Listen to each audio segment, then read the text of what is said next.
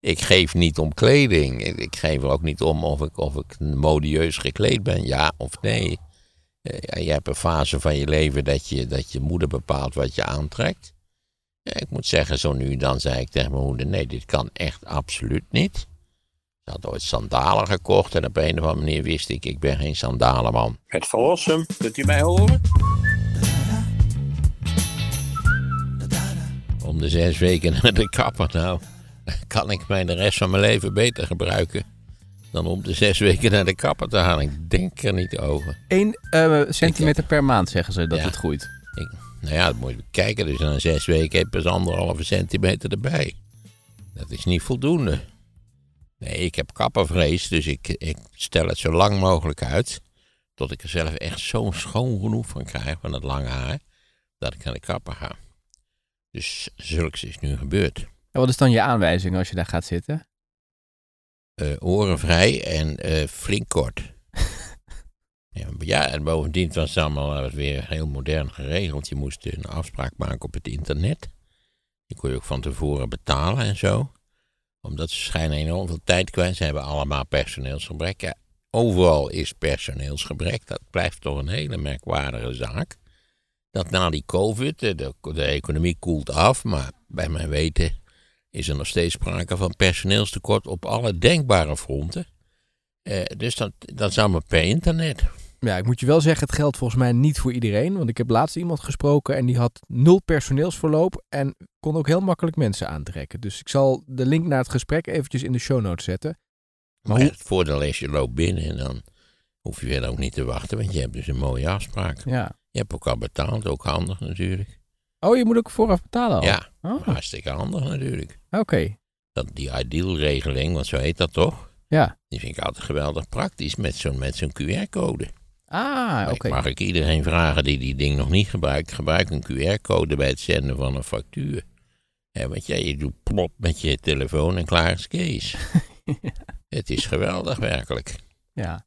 Maar ik vind dat wel opvallend dat, eh, dat jij eh, altijd eh, moeite hebt met, met internetten en dat dit dan schijnbaar wel heel makkelijk gaat. Ja, het was vrij simpel. Dus je piept op ikke .nl of zo. Want zo heet de kapper, hè? En klaar is Kees, in dit geval dus. Ja. Ja, je moet dan even iets invullen. Je natuurlijk je, je e-mailadres en je telefoonnummer. Zodat ze niet opgelicht kunnen worden. En dan vervolgens moet je nog betalen. Nou, dat is met de QR-code echt een fluitje van een cent. Eh, deed iedereen dat maar. Zou een stuk handiger zijn. En dan klaar is Kees. Ja. Jij zegt er kan niet zoveel misgaan, maar ik ben in New York een keer naar de kapper geweest. En toen heb ik ook gezegd, eh, een beetje korter. Ik had bijna geen haar meer op mijn hoofd toen ik dan naar buiten ging. Ja, kennelijk hebben ze daar een andere interpretatie van het woord shorter. Ik weet niet wat je gezegd hebt, maar ja, ik denk even aan de kapper waar ik heen gestuurd werd door mijn moeder. In de jaren 50, toen ik nog een jongetje was. Ik was ook doodsbang voor die man. Ja, volgens mij zei mijn moeder altijd van zo kort mogelijk. Je zag er niet uit, vond ik zelf. Dat je zo'n raar opgeschoren koppetje kreeg. Ja. Ja, dat was typisch die, vandaar de reactie in de jaren 60, waar je ineens lang haar moest hebben. Ja. Waar ik ook, ik, ik vond lang haar helemaal niet prettig. Je moet het alsmaar wassen, dat is verdomd vervelend. ja. En ze hebben, doen ze jou ook jouw baard? Nou, dat, dat willen ze al te graag doen. Maar daar ben ik niet voor. Nee, dat doe ik zelf met een schaartje, zoals je weet. Ja, ja, ja. Maar wel je nek een beetje uitscheren, dat doen ze wel. Ja, dat hebben ze wel gedaan. Maar goed, dat is één keer in acht maanden. Dat is ruim voldoende. Ja, ja. Het is niet zo dat er in mijn nek enorme bossen haar groeien. Dat nou ook weer niet. hè. Nee, nee, Ik nee. ben geen gorilla. Hey, heb jij plannen om je in het eh, Nijntje Museum eh, vast te gaan plakken aan een, eh, aan een kunstwerk daar? Nee, nee, nee. Ik vind dat hele ongelukkige acties, eerlijk gezegd. Eh, ja, ik begrijp dat het natuurlijk eh, qua, qua opvallendheid eh, fantastisch scoort natuurlijk, die vastplakkerij. En vooral natuurlijk ook het beschadigen van meesterwerken. Maar ja, ik vind het een hoogst ongelukkige ontwikkeling.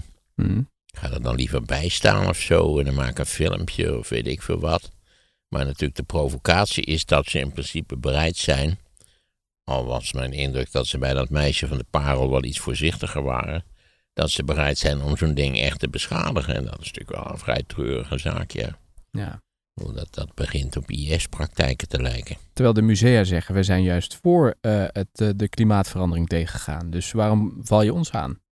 Daar hebben zij natuurlijk ook gelijk in, maar het is sowieso, lijkt het mij een ongelukkige trend, dat je aandacht trekt door, laten we zeggen, iconische kunstvoorwerpen te beschadigen. Hm. Dat vind ik wel een beetje flauwekul. Dat is eigenlijk net als die, dat die, met, die- met die cancelcultuur, waarbij dan allerlei beelden van, van personen beschadigd worden of omgetrokken worden. Of anderszins voorzien van teksten die niet passen. Ja. Ook een hoogst ongelukkige ontwikkeling. Maar ja, je begrijpt, het gaat hen erom, om de provocatie, om het opvallen. Hè? Nou ja, daar zijn tegenwoordig tal van methoden voor in, in zwang. ja. En je moet natuurlijk steeds... Wij leven in, zoals je weet, de drama-democratie. Dus ja, en de media, dat begrijp je, vinden dit heerlijk. Oh, jongen, jongen, jongen. Weer, weer een raakbal naar de, naar de, nachtwacht gegooid. Dat is toch een hoogtepunt van, van opwinding.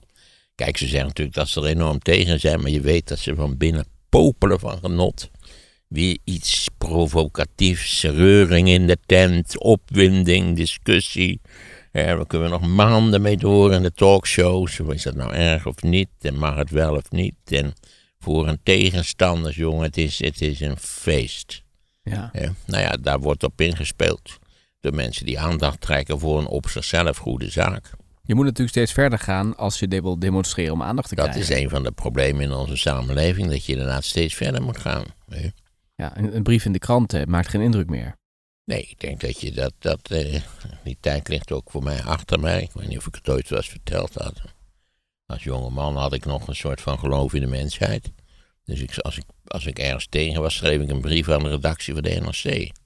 En nou kan je onthullen dat, eh, ik zal maar zeggen, 9 van de 10 werd niet geplaatst. We hebben uw brief doorgestuurd aan de schrijver van het artikel. Waarvan je wist dat die man het meteen de prullenmand ingegooid heeft. Maar als ze het plaatsten, hadden ze een heel speciale techniek om jouw activiteit op dit punt zoveel mogelijk af te remmen. Namelijk, ze stopten er zoveel spelfouten in dat je echt dacht van dit is... Want was die jongen dronken of zo toen hij die brief geschreven heeft? Want dit is, ziet er verschrikkelijk uit.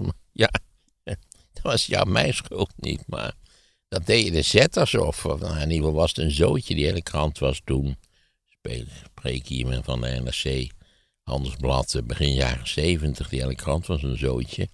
Maar dus je dacht wel de volgende keer, nou ik schrijf maar één brief. Ja, want ik word toch neergezet als een, als een gevaarlijke schrijvende drugsverslaafde. Dus daar ben ik mee opgehouden met ingezonde brieven. Ja, de lastigste lezer. Dat was ik wel een tijdje. Ze bestaan nog steeds, hè, die brieven. Zeker. Ja, ja je kunt eh, zeggen, sterker nog, de krant, althans de krant die ik lees, de zogenaamde kwaliteitskrant, die, die, heeft, die, die ma- maakt ook melding van ontvangen eh, 329 brieven, 3 geplaatst, eh, eh, artikelen, ook eh, 46 artikelen ontvangen, 2 geplaatst. Dan, dus die vermeldt precies wat er binnenkomt en wat ze eventueel plaatsen. Overigens, het is de NRC. Hè? Niet dat jij dat verkeerd zei, maar ik hoor heel veel mensen nog zeggen het NRC. Maar het is de nieuwe Het was Rotterdamse het handelsblad natuurlijk. Ja, En de NRC, de nieuwe Rotterdamse Courant. En, en ja, die zijn toen gefuseerd en toen zijn de mensen kennelijk het NRC, maar dat heb je mij nooit horen zeggen. nee, nee, dat klopt. Zeg jij de of het neude? Ik zou zeggen de neude. Maar dat schijnt ook zo, dan weten ze al meteen in Utrecht dat je van buiten komt. Maar ik weet niet zeker. Dan moet ik zeggen dat ik zelden zeg, hé, hey, de neude of de... Ik ga vandaag naar het neude, nee, eigenlijk niet. Ik vind sowieso een hele ongelukkige naam. Dan staat er een fraai ouderwets postskantoor. Wat eigenlijk redelijk intact is gelaten bij, de, bij het verlies van functie. Waar komt die naam eigenlijk vandaan, neude? Ik kan het je absoluut niet vertellen. Ik heb nou, het is nou een onderwerp waar we nog nooit een kleine documentaire over gemaakt hebben. Ik wou net zeggen, je hebt toch veel Ik- gedaan? Ja, god, ik heb tegen, ik denk tegen meer dan 135 van die kleine filmpjes gemaakt. Ja, ik heb die niet gemaakt. Die maak ik natuurlijk samen met een cameraman die eigenlijk al het werk doet. Ik ben de, praat, de praatlustige.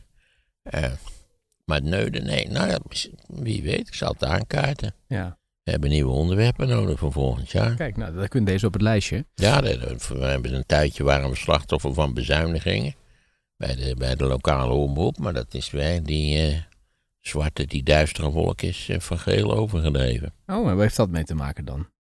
Ik, volgens mij heeft de overheid 200 miljoen ter beschikking gesteld voor de lokale omroep. RTV Utrecht is dat. Nou, natuurlijk, die 200 miljoen zijn voor alle lokale Oh, omroepen landelijk. samen. Ja, ja. Die ook geloof ik wel aangemaand zijn om wat beter samen te werken. En terecht, naar mijn idee, dat kunnen ze heel goed. En daar was ook een heel, al een heel overlegcircuit om dat te gaan doen. En ik meen, ik weet dit ook weer niet zeker, ik meen me te herinneren dat met name Zeeland dwars lag. Vonden zichzelf zo volstrekt uniek dat, dat zij hoorden er niet bij, zal ik maar even zeggen. Eh, maar eh, god, op dit moment ziet het er goed uit. Ja, maar RTV Utrecht is een regionale omroep, hè? Zeker, wij doen gaan over de hele provincie. Ja. En wat is dan de lokale omroep van Utrecht? Hebben ze die nog? was er wel, het was een soort stadsomroep Ja. ooit, maar bij mijn weten bestaat die niet meer. Hmm. Of die is geïntegreerd in of opgezogen door de, de, zeg maar de provinciale omroep. Oké, en dan gaat dit, wat jij nu zegt, die 200 miljoen, gaat dat over de eh, regionale of de lokale omroepen? Volgens mij over de regionale omroep. Ja, ja, dus provincie. dat zijn meestal veel grotere organisaties. Ja, ja. Ik, zou zeggen, ik heb ook wel eh, van doen gehad met eh, hoe heet het, Gelderland TV. En dat is een vrij omvangrijke en, en ijverige organisatie. Ja. ja, net als RTV Utrecht. Ja, dat is ook een grote organisatie, ja. ja, ja. Ja, want die hebben mij in staat gesteld, hebben ons in staat gesteld. Om dus, eh, weet ik veel, we hebben groeien naar de 140 kleine reportages toe. En die man die zich had vastgeplakt op de tafel van Nou, dat bleek eigenlijk niet nogal mee te vallen. Ja. toen zag je in het duister dat hij gewoon van die tafel afstapte. Dus die lijm was een beetje poppenkast. ja. Hij heeft wel veel aandacht gekregen, hè? Er was wel overal in het nieuws. Ja, ik zou zeggen, wat mij betreft te veel aandacht. Ja. Of, ze dan, of, de, of ze- hij dat nou aangekondigd had toen hij gevraagd werd door de redactie. Ik weet niet, je, je moet die, nogmaals, die talkshows, het is natuurlijk ook sensatie in de tent, dat is toch het fijnste. Hè? Dat jij je wordt genoemd, staat in alle kranten. Dat er bij Bo een halve gagen zat. Of ja, dit was Jinek, maar geleid door Bo dan. Eh, eh, ja, ik vond het een beetje poppenkast en flauwekul eigenlijk. Ja. Nogmaals, waar hij daar aandacht voor vragen, dat is verder volstrekt correct. Er wordt natuurlijk veel te weinig gedaan aan die, aan die eh, klimaatproblematiek. Eh, zeker nu. Zit natuurlijk ook, eh, laten we zeggen, geopolitiek zit, zit dat enorm tegen. En dat zal nog wel even tegen blijven zitten. Dus het moet wel over één of twee jaar weer opgepakt worden. Ja. En er is nu weer een, een rapport verschenen, hè? Dat wat de overheden doen, dat dat lang niet genoeg Nee, is. nee, en dat het allemaal niet dat gaat wisten lukken. we natuurlijk al lang. Kijk, dat het klimaat veranderde weten we in feite al decennia. En maar er is natuurlijk relatief weinig aan gedaan. Hoewel ik vind, ik zeg dat vaak, en ik vind dan toch als historicus ernaar kijkend, vind ik het eigenlijk al frappant dat er zoveel aan gedaan is. Als je door Beieren rijdt met je bus, met, met eh, cultureel belangstellenden, dan val je toch ondersteboven van het aantal zonnepanelen wat ze daar hebben. Kennelijk een heel succesvol subsidiebeleid wordt daar gevoerd. Want ook de kippenhokken zitten daar vol met van die dingen. Het is echt ongelooflijk. Veel meer dan in Nederland. Terwijl je denkt, hier zijn er ook wel heel veel. Als je op de daken kijkt. Ja, dat net neemt hier ook snel toe. Ja. Hè? Niet zo lang geleden hadden we een unieke dag waarop in feite de alternatieve bronnen van energie meer energie leverden dan de niet-alternatieve bronnen. Maar dat kwam vooral omdat die, die dag heel weinig energie nodig was. Het was een zonnige zomerdag, geloof ik. Ja. Maar dus ja, er gebeurt wel degelijk iets, maar ja, dat is natuurlijk altijd, vindt men altijd te weinig. Hm. Wanneer is het genoeg eigenlijk? Want dat is natuurlijk wel een interessante vraag. Nou ja, ze beweren dat we in 2050, ongelukkig ben ik dan 107 jaar oud, dus ik zal er wel niet bij zijn, maar dat we dan CO2-vrij moeten zijn. Nou, voel je al aan je water dat dat waarschijnlijk niet gaat gebeuren, maar wie weet dat we in de twee decennia daarna dat punt wel, wel echt naderen. Nou ja, dan hebben we een groot succes gehad. Al moet je natuurlijk je afvragen, ja, dat is West-Europa, het zeer welvarende West-Europa. Waar je misschien ook nog wel een paar min of meer normale en verstandige politieke partijen hebt. Eh, wat gaat er in India gebeuren? Niet waar, 1,3 miljard mensen. Die natuurlijk ook graag welvarend willen zijn. Die willen ook een plasmaschermpje, of heet het, een LED-scherm. Of OLED, of hoe het allemaal mogen heten. Een leuk autootje, dat begrijp je. Eh, ja, waarom zouden zij andere leuke dingen willen dan, eh, dan wij hier hebben? Eh, en willen? En, dan is maar afwachten hoe zich dat ontwikkelt. Wat, wat voor energievoorziening daarvoor bij 1,3 miljard inwoners noodzakelijk zal zijn. Nu is dat nou alle waarschijnlijkheid toch kolen. Nou, ik heb je mijn kolenverhaal van het Amsterdam-Rijnkanaal verteld. Ik zou ook Rutte van harte aanbevelen, ga daar eens een dagje zitten bij het Amsterdam-Rijnkanaal. Kom helemaal tot rust. Terwijl je denkt, grote god nog aan toe. die fossiele energie, dat gaat ons nog moeite kosten. Ja. Maar je kunt natuurlijk wel bij die landen zeggen, bij India en ook bij China, eh, we kunnen nu vanaf het begin al ander beleid voeren, waardoor ze misschien direct op duurzame producten Ja, overgaan. hoewel zij al gauw zullen zeggen, en er zit natuurlijk wel een kern van waarheid in. Ja, eerst hebben jullie de boel eh, verklooid, nietwaar?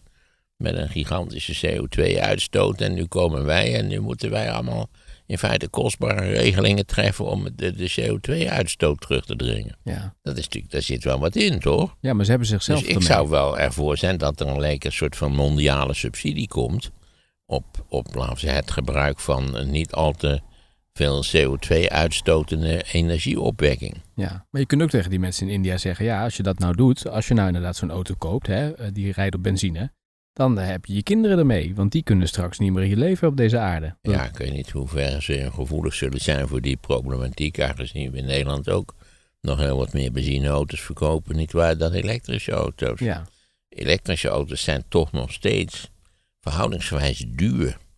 Wat in zoverre vreemd is, omdat het een veel simpeler mechaniek is, wat minder onderhoud vraagt. Niet waar, een elektromotor, dat is, eh, dat is toch heel wat anders dan een, eh, een normale explosiemotor, of een verbrandingsmotor. Ja, en, en ook het hele systeem natuurlijk, wat noodzakelijk is voor het ondersteunen van een verbrandingsmotor. Dat heb je ook niet nodig in een, eh, Ja. in een elektrische auto. Ja. Maar ze zijn nog steeds heel prijzig. Mhm. maar Als je ze zeggen even vergelijkt met een enigszins vergelijkbare auto met een normale motor, zijn ze, zijn ze nog steeds duur. ja. Kenners zeggen wel dat, het gaat veranderen, hè? Dat het echt op termijn Ja, komt, een omslagpunt, dan wordt het allemaal goedkoper. Dat denk ik wel, maar ze zeggen dat ook al een hele tijd. Het doet een beetje denken aan andere dingen die al jaren worden aangekondigd, maar die, die dan tenslotte niet gebeuren. Het ineenstorten van de Chinese onroerend goedsector, dat, ik heb dat volgens mij al twintig jaar gelezen, dat dat zeer binnenkort zal zich deze ramp voltrekken met alle gevolgen van dien. Maar ja, tot op heden heeft de zich niet voltrokken. Of de dood van de roman, jaren zestig. De roman zou het niet gaan overleven. Is de roman dood? Helemaal niet. Er zijn nog massa's romanlezers. Vooral vrouwen, maar goed. Ja, als de vrouwen op zouden houden met lezen, dan was het wel gepiept met de, met de, met- de literaire cultuur. Ja. Het schijnt dat een vrouw met een MULO-opleiding meer leest dan een man die academisch gevormd is. En hoe verklaar je dat? Dat is een interessante vraag. Mijn indruk is dat mannen na hun 35ste eigenlijk geen boeken meer lezen. Ik weet niet wat ze wel lezen. Misschien Financieel Dagblad, maar dat zullen ze ook niet allemaal zijn. Ze kijken natuurlijk hartstikke veel tv. Het is natuurlijk veel makkelijker om naar tv te kijken. En dan kun je een beetje wegdommelen. En ja, word je na een kwartiertje weer wakker. De ene mask zingen na de andere. Eens heeft ze op het toneel verschenen. Dat zal een rol spelen. Maar kijk, eh, dit is een heel ingewikkelde discussie. Eh, Er wordt natuurlijk vaak gesuggereerd dat er vroeger veel meer werd gelezen. Misschien werd er ook wel iets meer gelezen, maar het niveau daarvan zal niet verschrikkelijk geweldig hoog zijn geweest. Het waren toch, nou ja, Eisenhower, president van de Verenigde Staten, las goedkope cow- cowboy. Wij zeiden trouwens cowboy in de jaren 50, cowboy romannetjes. Eh, dus ja, je moet niet de suggestie wekken dat vroeger de hele bevolking niet waar Proust, Tolstoy enzovoort las. En dat ze nu allemaal naar de Mask Singer kijken. Nee, dat, dat is helemaal niet het geval. Eh, maar eh, vooral de mensen van die cowboy-romannetjes zullen we geneigd zijn om naar de televisie te kijken. Of de Donald Duck lezen. Of nou, de Donald Duck, dat, dat hangt er vanaf wie de verhalen gebakken heeft. Dat is natuurlijk een interessante vraag. Want Karl Barks verhalen van in de Donald Duck, die zijn meesterlijk. Die kan ik iedereen, dat zijn kunstwerken. Ik zeg het er maar even zo duidelijk mogelijk bij. Dat zijn schitterende verhalen. Dus, dus dat is eh, heet het, Donald Duck en de kippenfarm. eh, Donald Duck de regenmaker. eh, Donald Duck eh, als, als padvinder. eh, Hij bestaat nu 75 jaar, hè? Donald Duck als brandweerman, dat is ook geweldig getekend. eh. Ja. Dus Dus- ja, dat, eh, dat hangt er maar vanaf. Waar wonen trouwens die neefjes eigenlijk bij Donald Duck thuis? Volgens mij wonen ze gewoon bij Donald Duck thuis. Maar, dat, Ja, dat- maar nu- waarom? Nu beetje- vraagt, weet ik niet. Beetje een rare constructie. op een zolderkamer, toch? Ja. Ik denk dat hun ouders dood zijn. Het zijn neefjes, dus ja. Kennelijk zijn zij verwekt door een broer of een zuster van Donald Duck. Eh, maar ja, dat, eh, dat is nooit verklaard volgens mij. En waarom heeft Donald Duck wel een, een jasje aan, maar geen broek? Nou ja, dat is bij, bij eenden is het normaal dat ze alleen jasjes aan hebben en geen broeken. Dat is algemeen bekend. Oké. Jij hebt er ook wel eens in gestaan, toch?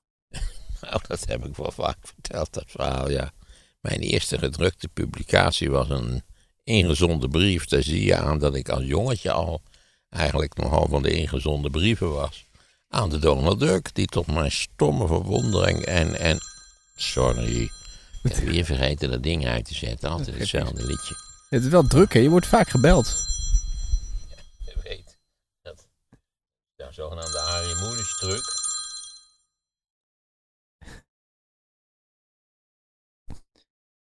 Ik weet dat Harry Moeders die ging en dan naar Café Amerika. En dan had hij andere mensen opdracht gegeven om hem daar te bellen.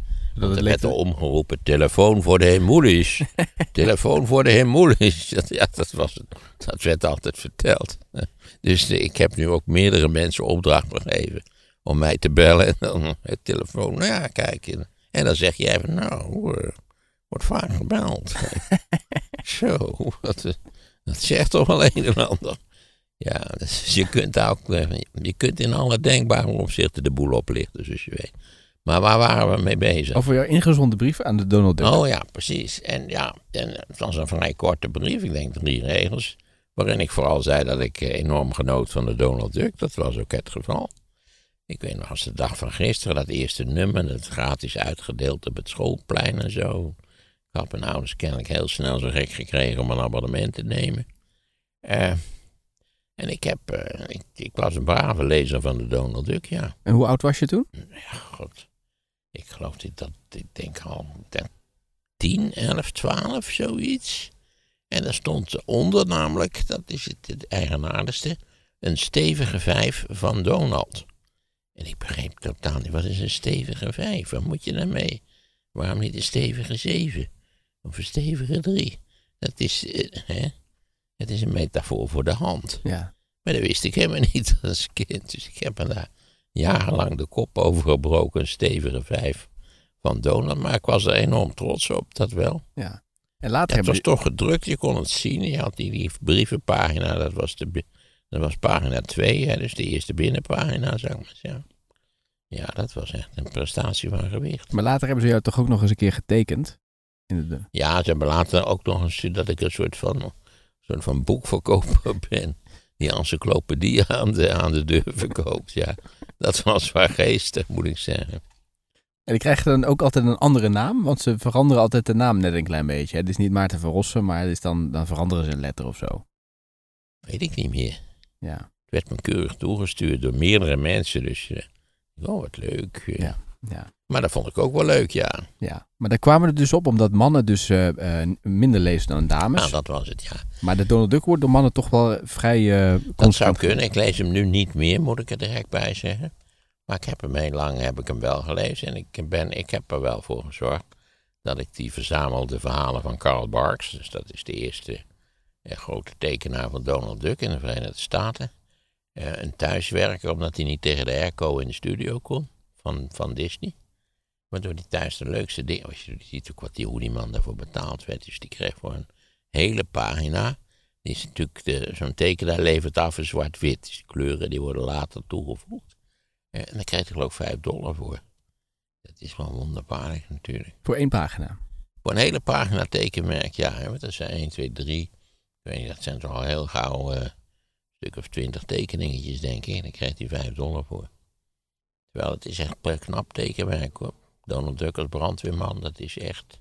Ja. Hij kon er wat van. ja, en nu gaat het natuurlijk allemaal met de computer, met programmaatjes. Dus hebben ze dat zo gemaakt, denk Dat ik. zou kunnen, dat weet ik niet. Ik, ik het lijkt me aanbevelenswaardig om dat misschien niet te doen. Nou ja, je hebt ook natuurlijk animatie.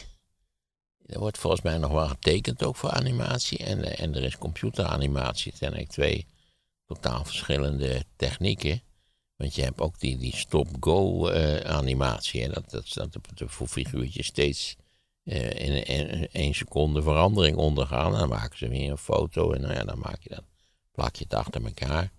Nou, wat is de doorloop van, eh, van, van filmbeelden? Ik geloof 24 beelden per seconde of zo. Ja. ja, het ligt eraan. De frames Ja. per seconde zijn dat, hè? Soms zijn het ook 25 of 30. En nou ja, ik vind. Ik vind ook die oudere animatietechnieken, laten we zeggen, de bekende Bambi en Pinocchio werk, vind ik ook hartstikke leuk om te zien. Ja. Ik ben altijd een groot voor een liefhebber geweest van, van animatiefilms. Ja. En je hebt natuurlijk nog die Japanse animatiefilms van die Miyazaki. Kan iedereen het warm aanbevelen om dat eens te bekijken. Het is een totaal andere opzet, soort van verhaal. Het, het, je kunt duidelijk merken dat het uit een, een veel minder verwante cultuur afkomstig is. Maar des te interessanter misschien daarom. Maar dat is over het leesgedrag van, eh, van onze Nederlanders. Ja, eh, ja, ik al heel lang doe ik aan, aan eh, laten we zeggen, man, aan mijn mannelijke kennissenkring. Niet iedereen, dat geldt niet voor iedereen. Geef ik dus geen boek meer cadeau. Maar altijd een fles wijn, want dan weet je dat dat gaat wel op. Maar zo'n boek, en dan vraag je het volgend jaar, heb je het gelezen? En dan zeg je, nou, het ligt op het stapeltje. Ga nu binnenkort naar Toscane en het ligt, eh, ga ik het daar lezen. Maar je weet vaak al wel dat dat toch niet gaat gebeuren eigenlijk. Ja. Dus je moet het niet doen. Want je geeft natuurlijk vaak boeken waar je zelf hoge prijzen op stelt. Of die je met ontzettend veel genoegen hebt gelezen. En eh, dat dring jij op aan een ander. Het gekke is, bij wijn is dat niet zo'n puntje. Maar bij boeken ligt dat toch heel anders. Er is natuurlijk ook heel veel concurrentie hè, van het boek. Je kunt natuurlijk eh, online, ben je constant en met Netflix en dat soort dingen. Ja, nou ja, en dan wordt natuurlijk een, een ander probleem is dat er veel te veel boeken geproduceerd worden. Zodat een groot deel van de productie, nou ik weet niet hoe groot deel, maar een deel van de productie moet gewoon weer vernietigd worden. Ja. Er zijn ook wel heel veel onzinboeken. Dat ben ik helemaal met je eens. Ja. Als je naar zo'n zo'n inloopwinkel of zo. Ik schat dat al heel gauw 20, 25 procent, althans door mij, wordt beschouwd als onzinboeken. Ja. Iedere goeroe heeft wel een boek. Hè? Neem Sonja Bakker. Precies. Met die, daar staan wist je dat daar kleurenfoto's in staan in die boeken van Sonja Bakker. Om het eh, lekker te vullen. Een hele ongelukkige kleurenfoto's. Waar Oh ja? je denkt, wat ziet dat er vies uit? Waardoor je helemaal niet geantameerd wordt om... Je weet dat het fotograferen van voedsel is een hoogst lastige zaak. Omdat als je het voedsel zo fotografeert als het op je bord ligt... en, en eh, als jij het naar binnen werkt... dan ziet het er meestal enorm onappetijtelijk uit. Dus dat voedsel moet gefotografeerd worden in heldere, frisse kleuren. Dat betekent natuurlijk dat het niet doorgekookt kan zijn of gebakken. Of, nou ja, het, het, eigenlijk fotograferen ze iets wat volstrekt oneetbaar is. Het is, het is eigenlijk net als die jurkjes voor, voor, die, voor die gruwelijke graadmagere meisjes. Niet waar die de nieuwste mode komen showen. Het is, het is kleding die ondraagbaar is. Maar het is dus ook voedsel wat oneetbaar is. Ja, ja. Al zie je nu ook steeds meer advertenties van wat molligere dames. Hè? Om, om toch ook een beetje het representatieve Ja, beeld nou, te dat werd ook wel een tijd ook natuurlijk. hè. Dat was, dat is ook een paar jaar geleden. Er zijn toch van die acties geweest. Ja, dat die meisjes er eigenlijk allemaal uitzagen of ze zwaar aan de heroïne waren. Het zag er treurig uit. Het waren van die, van die bleekscheetjes met van die dikke knieën, van die knokige knieën. Want je ziet dat kniegewricht, als, dat, als alles even mager is, ziet er verschrikkelijk uit. Dat heeft de heren een beetje laten liggen, dat kniegewricht. Sowieso geen sterk punt. Eh, dus ja, toen is er veel geprotesteerd. Of dat dan ook helpt, ik weet het niet. Ik vind nog steeds. Kijk je wel eens naar. eh, CNN heeft vaak van die vullers. Dat zijn nou mode, modeshows. Dat je ook denkt van. Sowieso de mode. Dat is toch iets waar ik altijd en eeuwig weer moeite mee heb. Om daar begrip voor op te brengen. Je weet, het bestaat. Je weet hoezeer mensen gebonden zijn aan, aan de mode. Hoe graag ze, ontzettend graag ze niet waar naar de laatste mode of de laatste inzichten gekleed willen zijn. Hoe graag ze mee willen doen. Maar het is vaak toch wel knettergek, de mode. Ja, Lubach had daar van de week een verhaal over. Die had het over hoeveel kleding we eigenlijk wel niet bestellen. Dat dat, dat, dat bizar is. Ja, dat is zeker bizar. Bovendien vaak wordt het, eh, wordt het even gedragen en dan teruggestuurd Ja. omdat het niet past. Ja. En En daarom dat schijnt die, een enorm probleem te zijn. hij zei ook dat producenten maken die kleding dus minder goed. Omdat ze weten dat we toch maar eh, eventjes dragen en dan weer weggooien. Ja, dat zou kunnen. Nou, dan moet ik je zeggen dat op dit punt ben ik eigenlijk een moderne heilige, anders kun je het niet noemen. Ik draag kleding die grotendeels eh, tientallen jaren oud is. Ja?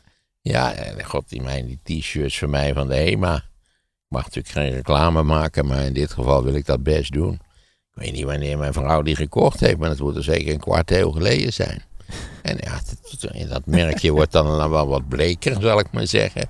XXL is het bij mij, dat wordt wel een tikkeltje bleker. Kijk, Hè, onze vriend van de DHL. Oh, daar is hij weer, ja. Is die weer. Ehm, maar ja, ze zijn eh, voor zover ik kan zien vrijwel onverslijdbaar. Oké, maar dat is dus wat je vaak hoort. Dat op een gegeven moment wordt het slecht, gaat het stuk. Maar wat je dus nu aan hebt, dat is jaren oud, maar dat Ja. gaat niet stuk. Nou, er zit wel franje onder aan mijn broek. En, en, nou ja. Maar het is niet zo dat er gaten op een gegeven moment inkomen of zo. Nou, er zijn ook wel eens gaten ingevallen, maar vaak zie je dat niet. Hè? Dan hou je het gewoon aan. Ja, dan hou ik het gewoon aan. Ja, ja. Tot het echt dat je denkt, het gat wordt steeds groter. Hè? groter en tenslotte wordt het natuurlijk een soort van eh, grensoverschrijdend gedrag. ja. Maar je kunt het ook laten repareren, dat je het even laat naaien of zo. Ja, mijn vrouw spoort me altijd aan om dat te doen. En vooral oudere broeken eh, te laten repareren. Maar dat kom ik dan weer niet doen. Nee, nee, nee, nee. Oké. Maar wat is de, weet je nog de laatste keer dat je iets nieuws hebt gekocht? Dat ik zelf heb gekocht, wat ik zelf heb gekocht. Nou ja, of dat het voor je is gekocht. Oeh, ik heb ooit bij de HEMA ook eh, onderbroeken gekocht. En die lagen allemaal in een soort, soort bakjes. En, en ik dacht, dit zal, ik wel zo'n beetje, dit zal me wel eens een beetje passen. Dus toen heb ik, ik heb er eh, tien tegelijk gekocht. En die, die draag ik nog steeds. Dus eh, ook de onderbroeken, daar vallen nu wel, wel spontaan gaten in. Dat moet ik wel En dat zeggen. is altijd zwart. Ja, dat is, dat is ook, ze zijn ook wel met een streepje. Maar in principe is het allemaal zwart, ja. Ja, ja, ja, oké. Ja, dat is wel zo praktisch, joh. Maar dit is eigenlijk zoals we eigenlijk allemaal meer zouden moeten Ja, leven. wij zouden op dit punt zouden de heer Van Rossum eigenlijk maatgevend en modebepalend moeten zijn. Ja, Ja, je bent zeker. eigenlijk een rolmodel op dit gebied. Nou, ik weet niet of, of ik op dit punt ook serieus zou worden genomen, eerlijk gezegd. Ik geef niet om kleding. Ik, geef er ook niet om of ik, of ik modieus gekleed ben, ja of nee. Eh, ja, je hebt een fase van je leven dat je, dat je moeder bepaalt wat je aantrekt. Ja, ik moet zeggen, zo nu dan zei ik tegen mijn moeder: nee, dit kan echt absoluut niet. Ze had ooit sandalen gekocht en op een of andere manier wist ik: ik ben geen sandalenman. Dus die moesten weer terug. En daar was mijn moeder dan wel weer redelijk coulant in. Nou ja, dan, toen kwamen de jaren zestig, dat je mocht alles aan wat je eigenlijk aan wilde hebben. En dat was voor me, voor een gemakzuchtig kleder als ik, was dat natuurlijk een gouden tijd. En toen, ik weet niet waar, maar ergens in de jaren zeventig eh, ben ik verzwart wat betreft de kleding. En zo is het eigenlijk gebleven. Ja. Ik vind het hartstikke praktisch. Je hoort het toch ook van die topmannen? Oh, wacht even. Jij zegt natuurlijk gekocht. Ik heb, ik heb op het internet een paar overhemden gekocht. Dat wordt, Recent. nou ja, wat is recent? Drie jaar geleden of zo. Ja, ja. ja. Nou ja, Want ik moet er nog bij zeggen dat ik dure kleding, dat, daar heb ik echt niks mee. Ja, dus ik ga niet een overhemd van 150 euro kopen of zo. Moet wel, eh, en dat geldt eh, voor al die andere dingen ook. Ja. Dat was een van de sterke punten van die HEMA-kleding. Het, het was heel goedkoop en toch goed. Maar dat is dus nu, ja, dat bestaat niet meer, hè, helaas. Op verkoopt de HEMA geen kleding Oh, de. HEMA bestaat wel nog. Ja, ik was eventjes in de war met die Boekhoorn. Die eh, Marcel Boekhoorn heeft dat toen toch een tijdje. Nou ja, die heeft het een tijdje in bezit gehad, maar die Ja. heeft het weer doorverkocht. Ja, maar het bestaat wel nog. De V&D, daar ben ik mee in de war. Die Ah. bestaat niet meer. Ik heb altijd wonderbaarlijk gevonden dat een winkel die zulke prima artikelen verkocht als de HEMA. Want je kon bijvoorbeeld ook fantastische bureaulampen, weet je wel, met van die veer, Ja. zo'n veersysteem. En die, die kostten ook niet zo verschrikkelijk veel. En die gingen echt jaren en jaren mee. En, en toen eh, heb ik allemaal van die ongelooflijk modieuze Italiaanse lampen. Die, die in feite helemaal niet goed in elkaar steken. Die waren ook van de HEMA. Nee, die waren niet van de HEMA. Die waren van een of ander eh, light design of zo, weet ik veel. Zoiets. Ja. Die hebben ook goed eten trouwens. hè. Die tompoezen van de HEMA en ook de, de worsten zijn ook goed. Ja, maar dat betekent wel dat je er naartoe moet om het daar te kopen. En dat eh, ga ik niet doen. Nee, maar als je toch voor die, voor die overhemden Als daar je bent. toevallig... Nee, want die heb ik op het Oh, internet. ja, dat gekocht. zei je al. Ja, ja, sorry. Helemaal zo makkelijk. Ja. Ja. En zijn, QR-code betaald. Fantastico. er zijn ook eh, eh, van, die, van die bazen. Ik weet niet of Elon Musk dat doet. Maar Weet die, je wat QR betekent? Of heb ik dat al een keer gevraagd? nee, heb je niet verteld. Vertel maar eventjes. Het betekent quick response. Oh, ja, nou ja, logisch, toch? Weet je waar het ontdekt is, of gemaakt is, of uitgevonden is? In Nederland? In Japan. Japan. Ja. Is dat opvallend?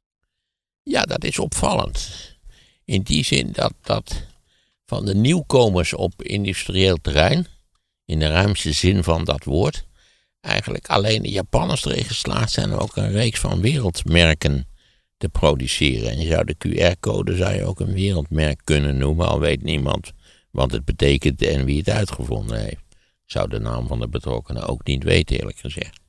Want eigenlijk, eh, China is natuurlijk nu op de wereldmarkt verschenen als producent van industriële goederen. of industrieel geproduceerde goederen. En, maar ik, ik, ja, je hebt Huawei, daar hebben we allemaal van gehoord. En, en, en dan heb je LG, dat schijnt ook een Chinees merk te zijn, maar dat, dat kun je niet zien op het eerste gezicht. maar eigenlijk heeft China tot op heden geen wereldmerken gecreëerd. waarbij iedereen weet, ik zal zeggen Apple, hè, dat is een wereldmerk. Maar TikTok? Ja, maar dat is, dat is, zou ik zeggen, niet een merk, dat is een... Eh, social media. Ja, dat zijn de social media. Het ligt toch weer even anders naar mijn gevoel. Maar de Japanners hebben een hele reeks van eh, heel succesvolle wereldmerken geproduceerd. Natuurlijk een aantal auto's, maar ook een aantal eh, dingen die op andere terreinen effectief zijn.